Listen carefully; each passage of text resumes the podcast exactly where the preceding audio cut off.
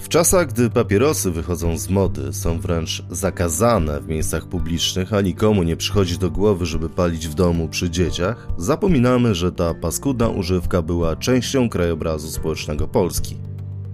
Na pewno w PRL, który tonął w dymie, gdyż palili wszyscy i wszędzie. Co jednak z wcześniejszymi czasami. Naugowcami byli przecież najwięksi Polacy i nie chodzi tylko o Józefa Piłsudskiego, ale także i naszych królów. Fajkę namiętnie miał palić już Jan III Sobieski. Jaka jest historia nikotyny, zarówno społeczna, medyczna i mniej romantyczna? Nauk tytoniowy jeszcze dziś zbiera swoje żniwo, bo biorąc pod uwagę liczby, przyczynił się do zgonu większej ilości Polaków niż wojny. Czy tą tezę można obronić? W dzisiejszym odcinku Historia w oparach dymu. Moim gościem będzie profesor Michał Kopczyński. Ja nazywam się Cezary Korycki i zapraszam na prześwietlenie Inne historie Polski. Część pierwsza. Pięć wieków z nikotyną. W południe Sobieski z synem został zaproszony do Starhemberga pod Białą Lilią, gdzie pojechał przykryty powozem zwanym Korel. Tam nastąpiło przedstawienie królowi polskiemu Rady i Sądu Miasta. Jeszcze ten uroczysty bankiet się nie skończył, gdy rozeszła się fałszywa pogłoska, że nieprzyjaciel na nowo pod Wiedeń podstępuje. Na rozkaz króla pośpieszyli obecni Jabłonowski, Lubomirski i Rzewuski, aby sprawdzić wiadomość. Gdy jednak nie wracali, zaraz Sobieski pośpieszył za nimi, nie wypaliwszy, jak to zwykł był czynić po obiedzie, fajki, którą pozostawił na stole.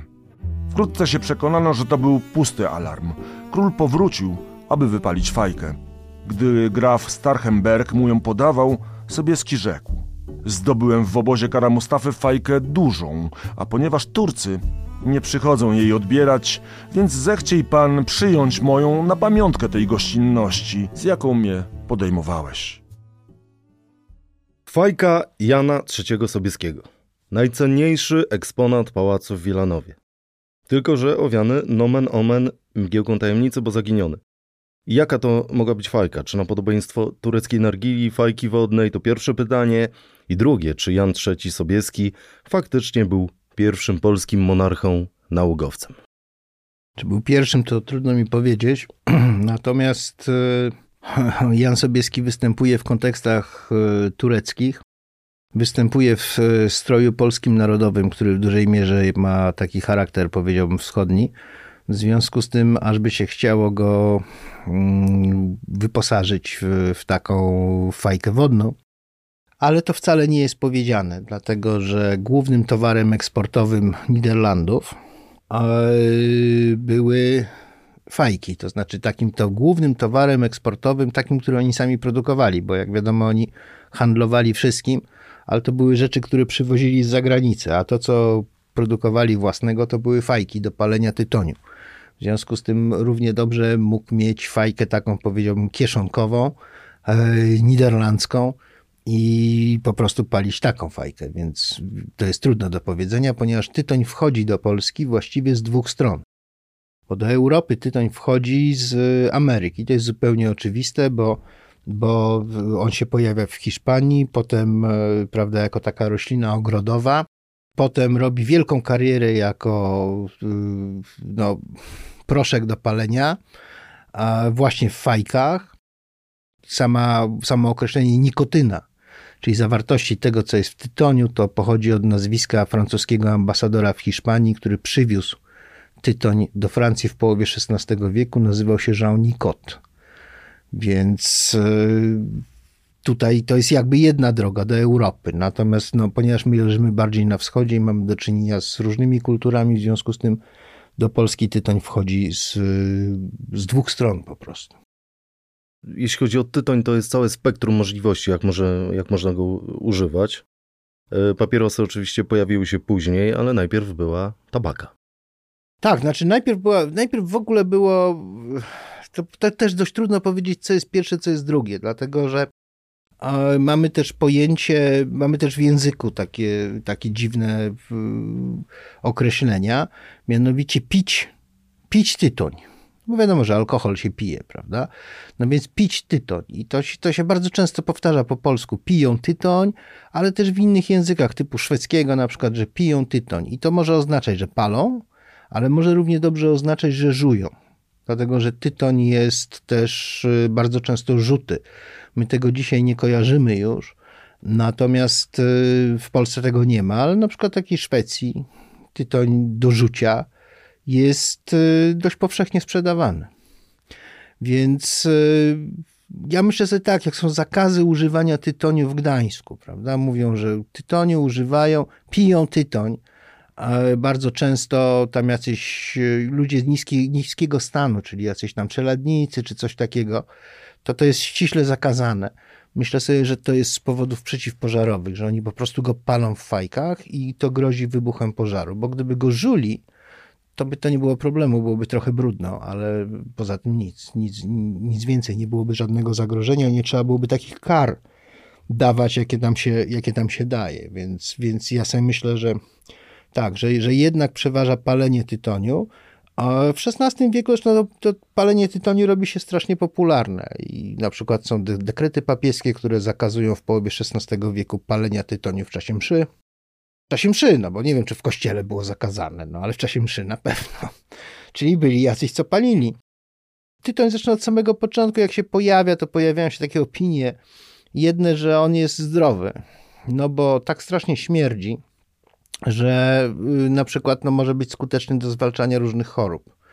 Czyli y, okadzanie palonym tytoniem y, jako sposób na dżumę.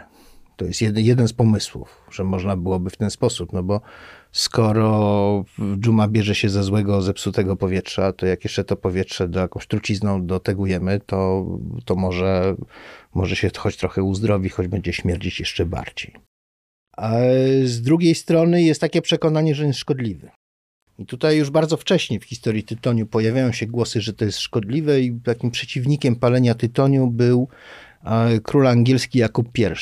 I on napisał takie dzieło, które się nazywało Mizokapnos. To było przeciwko tytoniowi. Tytoń był wprowadzany wtedy z, z Ameryki i to nawet z Ameryki Północnej, już z Virginii. Ponieważ on był Anglikaninem, Jakub I, no więc nasi jezuici napisali traktat Antymizokapnos, który mówił, że tytoń jest dobry i zdrowy i w ogóle tego, a heretyk, naturalnie jak to każdy heretyk, się co najmniej myli albo myli złośliwie. Więc y, tytoń też miał, jak już jesteśmy na wyspach, pewne znaczenie polityczne, bo syn Jakuba I, Karol I, jak wiadomo, został pobity w czasie rewolucji angielskiej przez ludzi Cromwella kiedy w 1649 roku w styczniu prowadzono go na ścięcie, no to żołnierze Cromwella okrągłogłowi stali takim szpalerem, jak go prowadzili i dmuchali mu tytoniem czy dymem tytoniowym w twarz, prawda, żeby jeszcze przed śmiercią jeszcze go upokorzyć. Karol I nic nie pisał o tytoniu, no ale skoro ojciec nie znosił, to on pewnie też nie znosił, prawda? U nas też było jasne, że, że, że to nie jest najlepszy. Jerzy Schlichting, zmarły w 1644 roku poeta i generalnie pisarz, napisał taką naukę jako o dobrym, także złym używaniu proszku tabacznego. I to było właściwie ten proszek tabaczny nie kojarzył się z tą tabaką wciąganą przez nos, tylko to spalenie, bo tam jest dużo o paleniu no to on mówił tak, że on miał pewne, ten tytoń ma pewne mm, dodatnie skutki, to znaczy usuwa nadmiar wilgoci z organizmu. No tak, no w jakimś sensie tak, no bo jak się zapali jednego czy dwa papierosy, to trzeba, trzeba coś wypić, jakąś wodę, prawda, czy coś takiego, bo wysusza, no więc usunięcie nadmiaru wilgoci. No ale za to powoduje fiskuł. Fiskuł, czyli, czyli to jest jakaś narośl. Można by powiedzieć, że to jest pierwsze pierwsze podejrzenie, bo nie wiem, czy empiryczna obserwacja jakiegoś nowotworu, wargi czy czegoś takiego, chociaż pierwszy nowotwór związany z tytoniem właśnie wargi, to jest włoska obserwacja z połowy XVIII wieku. Ale być może Schlichting już coś przeczuwał. Schlichting zdawał sobie też sprawę, że tytoń bardzo uzależnia. To znaczy, to on to mówił. To, to zresztą w staropolskiej literaturze jest kilka przynajmniej takich odwołań, że, że, że tyton jest uzależniający. I muszę powiedzieć, że kiedyś zeznawałem przed sądem w takiej sprawie tytoniowej. Przywoływałem właśnie Morsztyna, Szlichtynga i miałem pewną satysfakcję, że w uzasadnieniu sentencji rozstrzygnięcia sądu było powiedziane, że już w XVII wieku wiedziano. Także myślę sobie, że ten szlichting był bardziej, bardziej chyba wpływowy okazał się w końcu XX wieku w sądzie w Krakowie niż e, w XVII wieku. Jeśli może pan zdradzić, to jaka to była sprawa? To była sprawa, jedna z pierwszych w Polsce dotyczących e, konsekwencji palenia tytoniu, to znaczy był tam jakiś wnioskodawca złożył on chyba twierdził, że dostał e, raka płuc, bo palił papierosy produkowane w Krakowie i domagał się odszkodowania. Sędzia chyba chciał sobie posłuchać, jak to jest. W związku z tym no, ja występowałem jako biegły i bo tam się potem okazało, że ta sprawa została oddalona, bo on nie miał raka płuc. Natomiast, e, natomiast sędzia chciał sobie posłuchać, jak to jest. No. Potem już mnie nie wzywali, po prostu przepisywali, to pierwsze orzeczenie przepisywali i zawsze ten szlichting zrobił się popularny. Notabene, w, powiem tak, e, szlichting, e, nie, nie do końca wiadomo, jest to pewne, czy to był szlichting, dlatego, że tych szlichtingów jest kilku. Jeden to jest e, sędzia Wschowski, który był bratem czeskim, znanym z, założy, założył miasto szlichtingowo. Drugi to był Jerzy Schlichting, zmarły w 1644 roku, właśnie pisarz i poeta. Trzeci to był Jonasz Schlichting, który był z kolei Arianinem i z taką bardzo bogatą biografią, wypędzonym po potopie. Natomiast ostatnia hipoteza jest taka, że tę naukę o dobrym, a także złym używaniu proszku tabacznego napisał Daniel Naborowski. Czyli to taki poeta też z kręgu Radziwiłowskiego, bo Jerzy Schlichting też był z kręgu Radziwiłowskiego. No ale idąc dalej z tymi wskazaniami, no to y, Morsztyn pisze, że tytoń oczywiście nie sprzyja, może i zdrowy jest, ale nie sprzyja miłosnym igraszkom, ponieważ psuje zęby, a użytkownik tytoniu tak strasznie śmierdzi, że po prostu nikt do niego nie chce, no żadna kobieta do niego nie chce podejść. Kazimierz Haur też zauważa pisarz rolniczy, że tytoń może szkodzić na potencję, ale za to zaleca go duchownym. No bo oni raczej nie powinni potencji musi wykazywać. A ksiądz Kluk, już naukowy XVIII-wieczny pisarz, zauważa, że e, tytoń zupełnie nieźle działa, dlatego że usuwa pasożyty u owiec, a także może funkcjonować jako jako prawda, taki, taki środek, którym e, można potraktować przeciwko różnym pasożytom e, roślin. I to, to, to ksiądz Kluk miał niewątpliwie rację, bo ja pamiętam z mojego dzieciństwa, jak moja taka cioteczna babcia kupowała e, paczkę sportów. Te sporty tam wyrzucała ten, te, prawda, bibułki, zostawał tylko ten tytoń. Ten tytoń trzeba było ugotować następnie do takiego wlać takiego atomizera i wszystkie mszyce zdychały. Nikotena ma dość bogatą kartę w historii medycyny i co ciekawe miała także inne dość zabawne zastosowania. No tak, to znaczy w, można ją było traktować jako środek leczący, prawda? To jak już, jak już o, tym, o, tym, o tym wspomniałem nawet do lewatyw. No, to więc, więc tutaj były różne mm, zastosowania. No ale generalnie rzecz biorąc, rozumowanie medyczne na temat tytoniu to opiera się tak już nawet w XIX wieku, jak już jesteśmy, kiedy jakaś medycyna jest. Pierwszy argument, znaczy wychodzi się tak, że tytoń szkodzi na wygląd, prawda, estetyczny, niszczy estetyk. Drugi, tytoń niszczy moralnie niszczy moralnie wszystkich, bo niszczy moralnie i mężczyzn, i kobiety. Część druga. Kto wymyślił papierosy? Kowbojskie papierosy y, kojarzą nam się z Ameryką, ale muszę przyznać, że ostatnio odkryłem ciekawy wątek w książce amerykańskiej historyk Trishy Starks Smoking Under the Stars, czyli o paleniu w Imperium Rosyjskim. I tam się pojawia informacja, że to jest wynalazek, który pochodzi z Imperium Rosyjskiego i on przybył za ocean z migrującymi Żydami.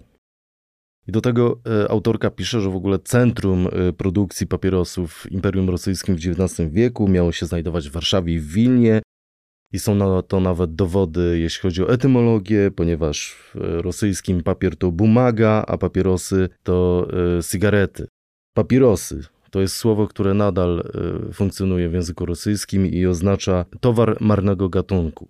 Ile jest prawdy w takim twierdzeniu, że te papierosy zostały wymyślone na polskich ziemiach? No, nie sądzę. To znaczy tutaj ja bym się pod tym nie podpisywał, a dowód z etymologii nie mam do niego prze, y, przekonania. Niewątpliwie tak, takim wielkim miejscem, gdzie się tytoń uprawiało, takim centrum produkcji tytoniu i także biznesu takiego papierosowego, to jest jednak Ameryka Północna. Bo to jest Virginia, gdzie się, gdzie się to uprawia, no jeszcze od XVII wieku w gruncie rzeczy te plantacje tytoniowe tam, tam funkcjonują. I w, tak, no jeśli chodzi o papierosy, no to one są, nam się kojarzy papieros z czymś zupełnie oczywistym, to znaczy zawinięty w bibułkę. Natomiast y, bardzo długo dominowało palenie tego tytoniu w fajce. Ewentualnie można było po prostu tytoń, tytoń pocięty zawinąć w liść tytoniu co było, no to, to jest trochę takie nie tego, bo to parzy w rękę po prostu, jak się, jak się nierówno pali, jest trochę niepraktyczne, ale zawsze można do tego dodać jakąś fiwkę czy, czy coś takiego, co, to, co trochę ułatwia sytuację. Tutaj są pewne elementy, pewne wątki prawdziwe są w tych, w tych y, twierdzeniach, to znaczy to centrum produkcji Warszawa i Wilno no tak, rzeczywiście, dlatego że na wielką skalę produkcję tytoniu w Królestwie Polskim rozwinął nie, nie mniej, nie więcej tylko Leopold Kronenberg. Dlatego, że jego kariera, do, która go doprowadziła prawda, do, do bankowości, ale ona się zaczęła od tego, że on był administratorem e, monopolu tytoniowego. To sobie kupił naturalnie za łapówki te, te, te, te prawo, jeśli chodzi o tytoń i o monopol tytoniowy i korzystanie przez państwo z tytoniu, to takie pomysły już się pojawiają bardzo dawno w dziejach Polski. One się pojawiają wręcz w połowie XVII wieku, tylko że skarbowość była i kontrola skarbowa była zbyt słabo w Polsce rozwinięta, żeby, żeby to można było zrealizować. Potem jest w końcu XVIII wieku pojawia się pomysł i nawet jest ten monopol tytoniowy, który przynosi jakieś zyski, ale stosunkowo nieduże. Stąd w XIX wieku, kiedy ta władza i represja ze strony władzy się wzmocniła, no to były szanse na wprowadzenie tego monopolu i zarabianie pieniędzy dla państwa. I stąd rola Kronenberga. Kronenberg połączył nie tylko taką, taką kontrolę nad sprzedawcami tytoniu, ale stworzył pierwszą w Warszawie wielką fabrykę tytoniu. I tutaj produkował bardzo dużo tego tytoniu. Ściągał know-how do tego z Francji, prawda, i tak dalej. Rozwinął, naprawdę dobre pieniądze zarobił i rozwinął tą produkcję. Rzeczywiście to było jedno z centrów. Tylko trzeba pamiętać o tym, że to, co jest uchwytne w źródłach, to jest palenie tytoniu w miastach przede wszystkim. Bo tutaj w miastach, no to już ktoś jak pali, no to musi kupić po prostu. Natomiast jak patrzymy na wieś, to tutaj właściwie prawie w ogóle nie występuje palenie tytoniu. I to dlaczego to palenie tytoniu nie występuje? Nie dlatego, że ludzie nie palą, tylko ludzie po prostu palą jakieś, jakiś tytoń, który gdzieś tam sobie hodują, żeby nie płacić tych wszystkich pieniędzy i dodatku podatków i podatków od podatków, prawda? Bo to jak wiadomo, tytoń jest i wyroby tytoniowe są tanie, natomiast są obłożone najróżniejszego rodzaju podatkami akcyzowymi, takimi i innymi. No więc e, nawet jak się patrzy na statystyki międzywojenne, które są już dobre z e, polskiego monopolu tytoniowego, to bardzo wyraźnie widać, że na wschodzie kraju prawie że w ogóle nie palą. Ale oczywiście palą, tylko palą machorkę. Palą machorkę zawiniętą w gazetę. Czy, czy coś takiego. No ale jeżeli przechodzimy do centrum świata, czyli do Ameryki Północnej, centrum biznesu, to tutaj jest fascynująca historia, maszyny do wyrabiania papierosów. Maszyna do wyrabiania papierosów, już tych takich e, z bibułką. To jest pomysł Jamesa Alberta Bonsaka. James Albert Bonsak był synem też biznesmena, który, który pracował między innymi przy, przy tytoniu. I to był chłopak, który mając lat 15, on był władnięty właściwie taką ideą, żeby, żeby zrobić maszynę do robienia papierosów bo papierosy zawijane ręcznie w bibułkę to wykwalifikowany pracownik robił takich papierosów 200 dziennie. Natomiast jakby zrobić do tego maszynę, to ona miała wydajność 70 tysięcy dziennie. Więc to jest, to jest gigantyczna rzecz. I on był tym owładnięty. Ojciec go wysłał do szkoły, bo ojciec był dobrze sytuowany, ale on rzucił szkołę, tylko myślał nad tą maszyną. W końcu ojciec się poznał, po, poddał, uznał, że on nie będzie miał żadnego tam średniego wykształcenia. Zrobił mu taki warsztacik i on w tym warsztaciku przez no, kilka ładnych lat nad tym pracował. W 1881 roku dostał patent na tą maszynę. Model biznesowy Bonsaka polegał, Bonsaków, bo ojciec się też dołączył, e, polegał na tym, że chętnemu, który wytwarzał te papierosy, gotowi byli, byli wstawić te maszyny i, prawda, obsługę zapewnić fachową i brali od każdego tysiąca, tysiąca papierosów, tam 24 cent od tysiąca papierosów. Zaproponowali to jednemu z producentów papierosów, ale on uznał, że to jest takie no, ryzykowne, prawda? Będzie się psuło albo coś. No i zdecydował się James Buchanan Duke. Jest dzisiaj jeden z lepszych prywatnych uniwersytetów amerykańskich, Duke University. To właśnie James Buchanan go założył. Jak już się wzbogacił, więc w 1883 roku James Buchanan Duke y, poszedł na współpracę z Bonsakiem i w ciągu kilku lat 40% amerykańskiego rynku z, y, prawda, zdominował, a w, właściwie prawie 90% rynku miał w, w początku XX wieku i proces, był nawet wytoczony proces, bo to był wtedy walka z monopolami różnymi, to są czasy, czasy przełom, przełom stuleci to jest y, Theodore Roosevelt i to jest walka z monopolami. Jest ta sławna ustawa Shermana przeciwko monopolom. I na mocy tej ustawy w roku 1911 e, ten e, American Tobacco Corporation e, tego Duke'a zostało podzielone na, na, na, na części, bo już miało 90% rynku. I teraz Duke jest bardzo ciekawym przykładem pokazującym, jak się rozwijają korporacje. Dlatego, że on produkował papierosy i sprzedawał je po sztuce. Sprzedawał je hurtownikom, a ci z kolei sprzedawali detalistom. Detaliści działają na zasadzie takiej, że e, starają się mieć jak najwięcej pieniędzy w gotówce, czyli nie mieć dużo składów, y, dużo towaru na składzie. W momencie, kiedy im się towar kończy, to na jutro proszę tam tyle ty, tysięcy papierosów. Od iluś detalistów spływa to do hurtownika, który zwraca się do producenta mówiąc 200 tysięcy papierosów na jutro. I ten e, producent nie jest w stanie funkcjonować, bo on musi przez miesiąc mieć wyłączone maszyny, żeby nie przechowywać nadmiaru papierosów, bo się zeschną, bo to, bo tamto. Tylko musi, prawda, no, w jakiejś ogromnej ilości wytwarzać w ciągu jednego czy dwóch dni. No i Duke postanowił, że trzeba, się, trzeba tą firmę rozbudowywać w ten sposób, żeby przejąć dystrybucję. Czyli to jest taki rozwój wertykalny firmy. Tak jak korporacje. Właśnie korporacje, jak zaczynają coś masowo produkować, to w pewnym momencie natykają się na ten problem, że dystrybucja jest, jest y, słabością. I żeby nad dystrybucją zapanować, to trzeba po prostu to przejąć. Przej więc Duke przejmował hurtownię, a potem w ogóle przejmował punkty sprzedaży też, yy, prawda, detalicznej. I rzeczywiście ten biznes ruszył.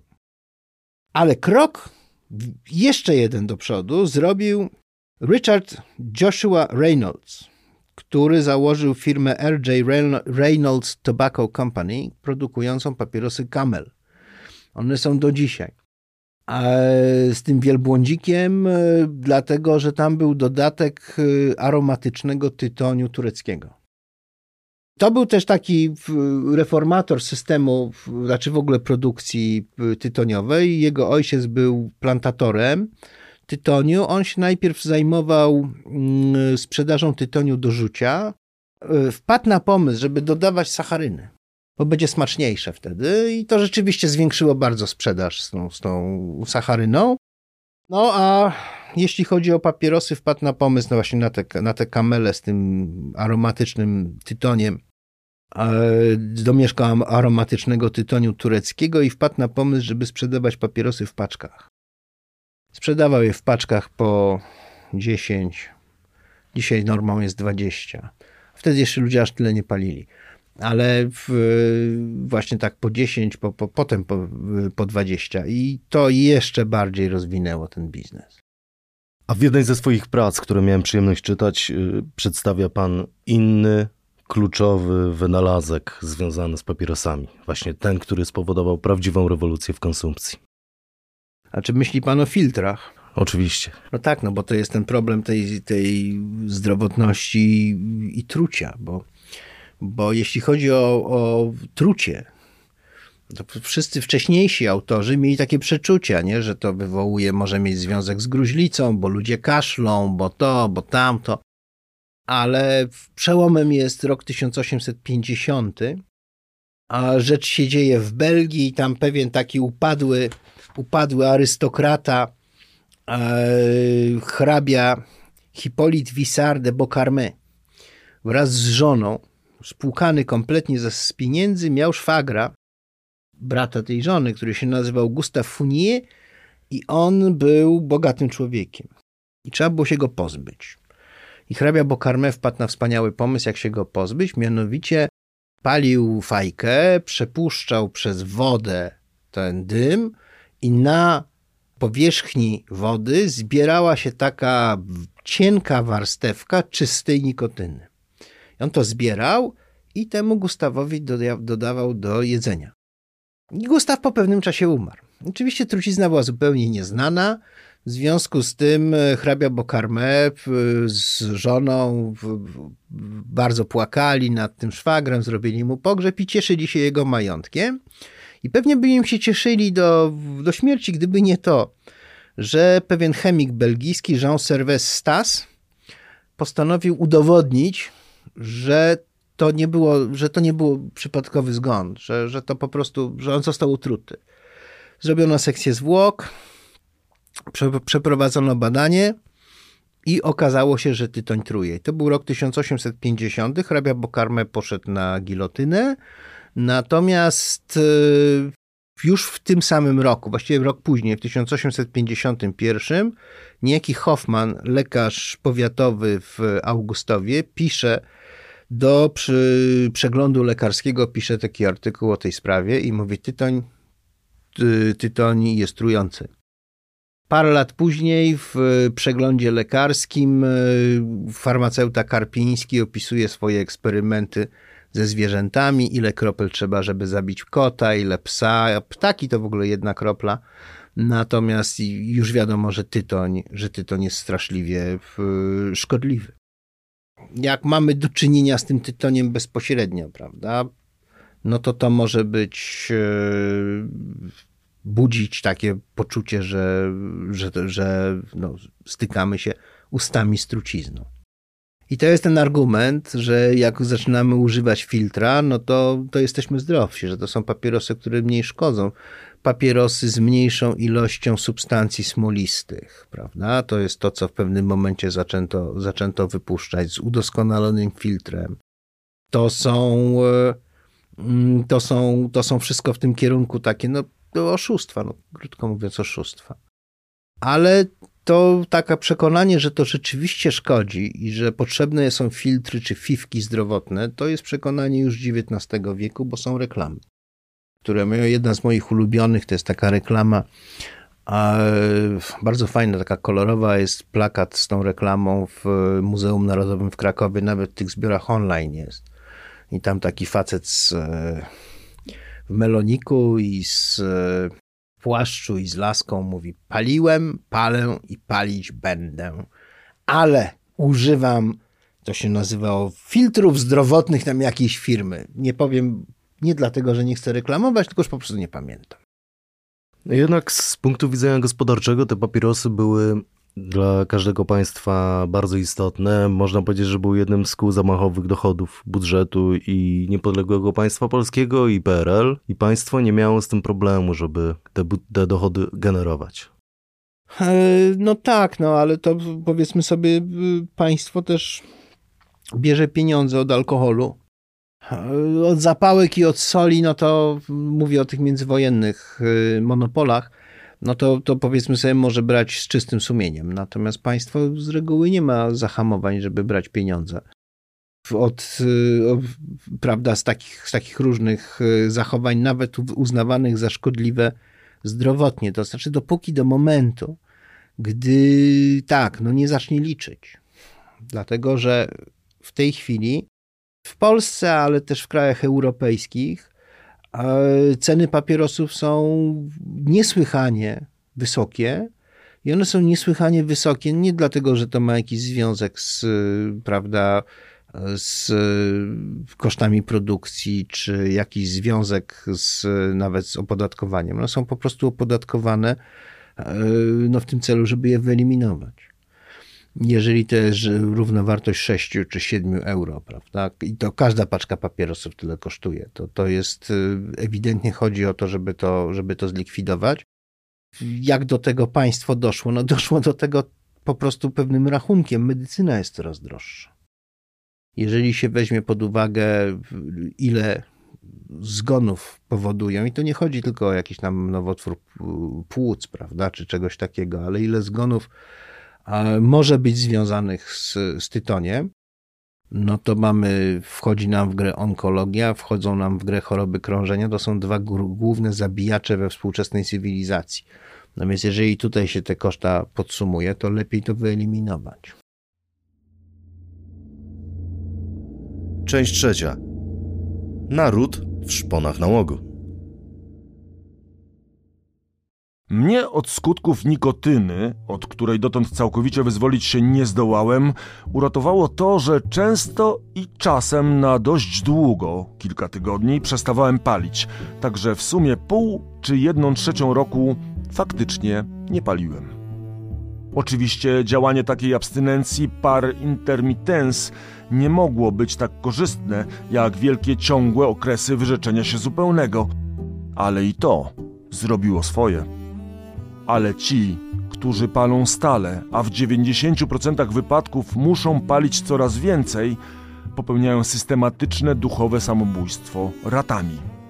Nieznacznie, sami o tym nie wiedząc, pozbawiając każde przeżycie barw, blasków i niszcząc rzecz najcenniejszą intelekt. Za cenę przyjemności prawie żadnej. Bo czyż nałogowy palacz ma w ogóle jakąś przyjemność? Tylko negatywną, zaspokojenia wstrętnej, nienaturalnej potrzeby. Tak jest podobno ze wszystkimi narkotykami. O ile dany osobnik doprowadzi się do dostatecznie wysokiego stopnia znałogowania. No, wysoka świadomość Stanisława Ignacego Witkiewicza w książce z 1932 roku nazwanej skrótowo Narkotyki. Znamy oczywiście tego artystę z różnych doświadczeń, ale tu przestrzega przed zgubnym nałogiem. Kiedy po raz pierwszy na świecie i w Polsce zaczęto na poważnie o tym pisać? Czy na poważnie? No poważnie to pisano od początku, tylko nie miano argumentów. Natomiast e, pierwsze argumenty takie naukowe, no to pojawiły się od tej sprawy, o której już wspomniałem, to znaczy tego procesu hrabiego Bokarme. I tutaj już medycyna się tym zajęła i to powiedziałbym w całej Europie, dlatego że w 1851 roku czyli właściwie krótko po tym, jak głowa Bokarmego została ścięta. Pisze o tym całym procesie i o trujących właściwościach nikotyny lekarz powiatowy z Augustowa, Hoffman, opisuje te trujące właściwości tytoniu i opisuje właśnie proces Bokarmego. Sześć lat później lekarz i farmaceuta Karpiński opisuje w tygodniku lekarskim, e, ile to kropel czystej nikotyny trzeba, żeby zabić ptaka, to jedna jest. Kota to tam chyba dwa, psa trzy, konia pięć, prawda, krowę, no masę zwierząt wymordował tą, tą nikotyną. No ale tu już było jasne, że to jest, że to jest szkodzące. I teraz jest pytanie, komu to szkodzi, prawda? To znaczy, znowu mamy wysyp w XIX wieku, a w drugiej połowie XIX wieku wysyp w polskiej literaturze podręczników do higieny. Było, to, to wiązało się z pewnym takim e, sytuacją lekarzy. Mianowicie lekarzek skończywszy studia, mm, przybywszy tutaj do Królestwa Polskiego, za granicę, ale tutaj też można było w Akademii Medyko-Chirurgicznej w Warszawie skończyć studia. No i było niewiele szpitali, w których były etaty. I teraz każdy lekarz najpierw miał odbywał, był takim, prawda, tak jak dzisiaj, rezydentem, a, i po jakimś czasie zapadała decyzja, czy on, ma, czy on będzie zatrudniony na stałe, czy ma sobie szukać po, posady gdzieś tam na wsi. Nikt nie chciał na wsi, każdy chciał mieć yy, yy, pracę w mieście. I w związku z tym yy, oni się starali o to, żeby coś publikować. I bardzo często po prostu brali podręczniki do higieny, tłumaczyli, no zależnie z jakiego języka, prawda. I mamy dwa takie, dwa z dwóch źródeł te podręczniki pochodzą. Są źródła francuskie. I jak są tłumaczone prace francuskie, to tam przeważnie jest mowa o tym, że tytoń jest w ogóle szkodliwy, generalnie. Natomiast jak bierzemy podręczniki niemieckie, gdzie jest bardzo długa tradycja palenia tytoniu i to, to tak, takiego palenia tytoniu nawet na najwyższym e, e, szczeblu, to znaczy król Prus to już od Fryderyka I w XVIII wieku to się właściwie spotykał co wieczór z głównymi urzędnikami i mieli takie rady palące. Niby to było o polityce, ale wszyscy palili, bardzo często się zbierali, już nie było o czym gadać o polityce, to się zbierali po to, żeby się zapalić, prawda? Więc w Niemczech ta palenie jest bardzo silną taką tradycją. I w związku z tym w tych podręcznikach e, higienicznych niemieckich bardzo często jest takie dwuznaczne rozumienie. Czyli na przykład taki podręcznik, to jest chyba z Austrii pochodzący, anonimowego autora, przetłumaczony na polski, wydany w 1896, nazywa się Higiena palenia. Tam było takie zdanie. Jeśli palisz i czujesz, że ci nie szkodzi, pal dalej na zdrowie. A jak czujesz, że ci szkodzi, to nie pal, ale, ale jak tego. A, więc tutaj są dwie takie tradycje, mimo tej świadomości, że to jednak jest trujące, prawda? Ale jak mówię, nie dla wszystkich, dlatego że jest tak, są dwie grupy, które są szczególnie narażone. Jedna grupa, która jest szczególnie narażona, to są ludzie młodzi. Ludzie młodzi, tak, paląc, mogą się zachować nieostrożnie, wyrzucić peta gdzieś a, i coś podpalić. W związku z tym w Królestwie Polskim są różne, nawet na wsi, są różne rozporządzenia, że nie wolno palić, prawda, bo chodzi o, o kwestię podpalenia. W miastach też są takie, takie zakazy palenia. No jest taka historia z czasów wiosny ludów w Berlinie, kiedy są rozruchy w Berlinie. Władze robią wszystko, żeby te rozruchy się, prawda, skończyły i, i występuje minister spraw wewnętrznych, uspokaja, stara się uspokoić tłum protestujących idzie na różne ustępstwa, obiecuje zwołanie parlamentu i w pewnym momencie z tłumu pada głos. A czy będzie wolno palić na Unter den Linden? Ja mówię, będzie wolno. No to znaczy, że wcześniej było zakazane, prawda? No dobra, ale wracamy do tych, do tych komu szkodzi. Młodym szkodzi. Tak, młodym szkodzi dlatego, że młody tak, jak się uzależni od palenia, to zacznie szukać pieniędzy, żeby, żeby zapalić, a no to zacznie kraść, co prowadzi do moralnego upadku. No a palenie też ma swoje skutki. Tutaj przeczytam taki fragment. Lekarz Szokalski pisze. Z powodu zajęcia żołądka daje się uczuć gniecenie w sercowym dołku, wzdęcia wiatrami, utrudnione trawienie i chęć do spirytusowych napojów, które zrazu niemałą sprawiają ulgę, lecz właśnie owa ulga prowadzi często do ich nadużywania – tak iż zwolna rozwija się popęd pijaczy, a zatrucie tytoniowe komplikuje się alkoholizmem. Połączenie to natrafiamy na nieszczęście nierzadko nawet tam, gdzie ani towarzyskie stanowisko, ani płeć, ani stan wykształcenia najmniej się tego spodziewać dozwalają. O owych tabacznych opojach płci obojej, owych filarach szynkowni już nie wspominając.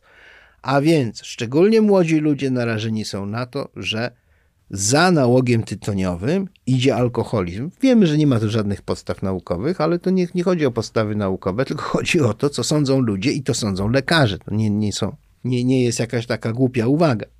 Już y, w ostatniej ćwierci XIX wieku w pismach, y, w czasopismach dla y, nauczycieli w Galicji wychodzą takie artykuły, które ostrzegają, że trzeba walczyć z paleniem że trzeba, tak, nauczyciele w ogóle nie powinni palić, bo niszczą sobie, w, prawda, narzędzie pracy, czyli, czyli głos. Natomiast mają zwalczać palenie wśród, wśród młodzieży. Jest takie badanie z 1919 roku antropologa i lekarza Jaksy Bykowskiego, który prowadzi badanie, to dotyczy właściwie jednej klasy tylko, w pewnym gimnazjum i tam mu wychodzi, że kto pali? No palą ci, którzy się gorzej uczą. No i druga grupa, która jest szczególnie narażona na działanie tytoniu, to są kobiety. Kobiety, tak, no to, to jest wielu lekarzy, o tym pisze, że kobiety jak palą, to są o krok od upadku e, moralnego.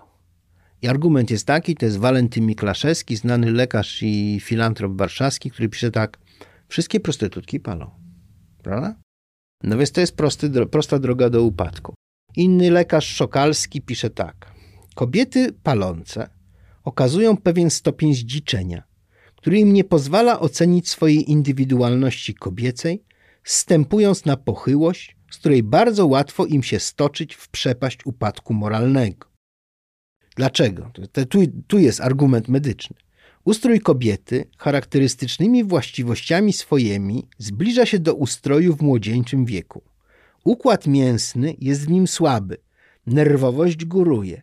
Jest to niby organizm niedoszły do punktu kulminacyjnego, jaki w mężczyźnie dojrzałym widnieje. Oczywiście to są bzdury z punktu widzenia dzisiejszego, prawda? Natomiast one pokazują, że lekarz, tu się wypowiada się o medycynie, o fizjologii, w XIX wieku mógł mieć taki pogląd. No i są tacy lekarze, którzy mówią, kobieta lekarz? To jest w ogóle jakieś dziwactwo, prawda? Bo kobiety to jest tylko jeden wielki kłębek nerwów, którym trzeba dawać jakieś leki na uspokojenie, notabene wszystkie na alkaloidach. Więc y, tutaj mamy taki, taki rodzaj myślenia o kobietach. Jeszcze Szokalski, który w pewnym momencie pisze w tym samym tekście zresztą, że kobiety palące odejmują mężczyznom może ostatni ich przywilej.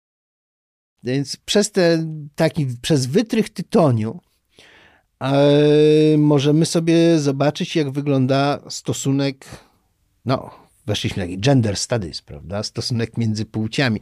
Więc czasami takie, takie, tak, taka, taka rzecz wydawałoby się drobna, jak, jak historia tytoniu pozwala wejść na inne przestrzenie i, i, i pokazać różne zjawiska. A jaki okres w historii naszego kraju był najbardziej rozpalony? Ja sobie myślę, że y, tak, y, wszyscy palili to chyba, poza kobietami oczywiście. To jest, to jest okres międzywojenny. Wtedy to się bardzo rozpowszechniło, dlatego że z jednej strony jest taki okres wyzwolenia kobiet, bo w czasie wojny kobiety, yy, prawda, idą do pracy wychodzą z domu, idą do pracy, podejmują się takich zachowań różnych y, nietypowych dotąd dla kobiet. E, no i jednym z takich, o, takich oznak, prawda, wyzwolenia się to jest, to jest ta taka moda, prawda, to lata dwudzieste. Żeby, się, żeby odrzucić te wszystkie rzeczy, które zresztą już lekarze mówili, że są szkodliwe, typu gorsety czy coś takiego, nawet tak jak było popularne hasło naga pod suknią, prawda, co oznacza, że nie wiążą się tam jakimiś tymi konwencjami ubiorowymi, no i jednocześnie palenie. W takiej długiej, prawda, długiej fifce, bo to wypadało, żeby to w takiej długiej, długiej fifce było. Więc myślę, że to chyba najbardziej. No potem oczywiście okres PRL-u, no, bo, bo zaczyna się rzeczywiście produkcja na dużą skalę tytoniu. I tak jak się przegląda, jak się przegląda czasopisma znaczy gazety, powiedzmy Trybuna Ludu czy coś z lat stalinowskich, e, to, oni tam się chwalą, że coraz więcej papierosów produkujemy, coraz więcej, znaczy się dobrobyt jest, prawda? Rozumiem, że nie może, nie było się czym innym pochwalić, no jeśli chodzi o konsumpcję, to, to się chwalili tymi papierosami. Lekarze też palą. W połowie lat 60. następuje zmiana. Jak przeglądałem takie czasopisma typu Żyjmy dłużej, były takie czasopismo popularne medyczne, to tam e, są wywiady z lekarzami. No to oni tam z papierosem było, wielokrotnie widziałem. W pewnym momencie w połowie lat 60. nagle znika. To znaczy czasem jakiś profesor medycyny się pojawi z fajką w zębach na zdjęciu, ale tak to znika. I pytanie, dlaczego nagle tak zniknęło? To, to zapis cenzury czy coś takiego? No tak, to znaczy zapis cenzury. Raport Terego. To jest taki brytyjski raport na temat e, związku między rakiem płuc a paleniem tytoniu. I od tego momentu to znika, bo jeszcze jak mówię, parę lat się jeszcze utrzyma taki, że fajka mniej szkodzi, prawda?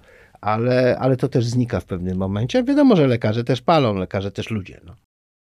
Więc, więc coś yy, tak to wygląda.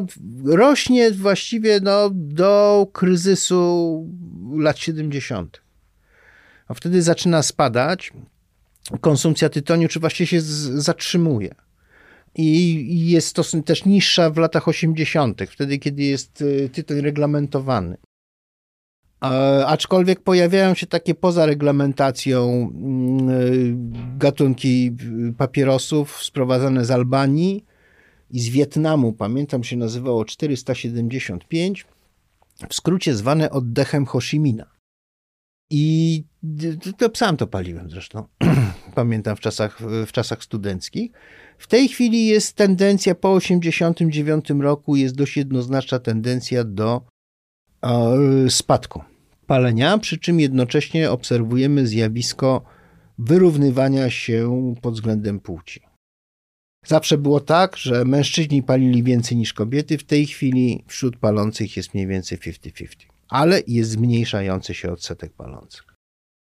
Natomiast badacze zdrowia publicznego alarmują, że ta emancypacja tytoniowa kobiet z lat 70., czyli takie popularyzowanie palenia przez młode dziewczyny, wtedy młode dziewczyny, doprowadza dzisiaj do bardzo niepokojącego trendu, bo najnowsze doniesienia naukowców mówią o tym, że rak płuc jest najczęstszą przyczyną zgonów kobiet i wyprzedził nawet raka piersi.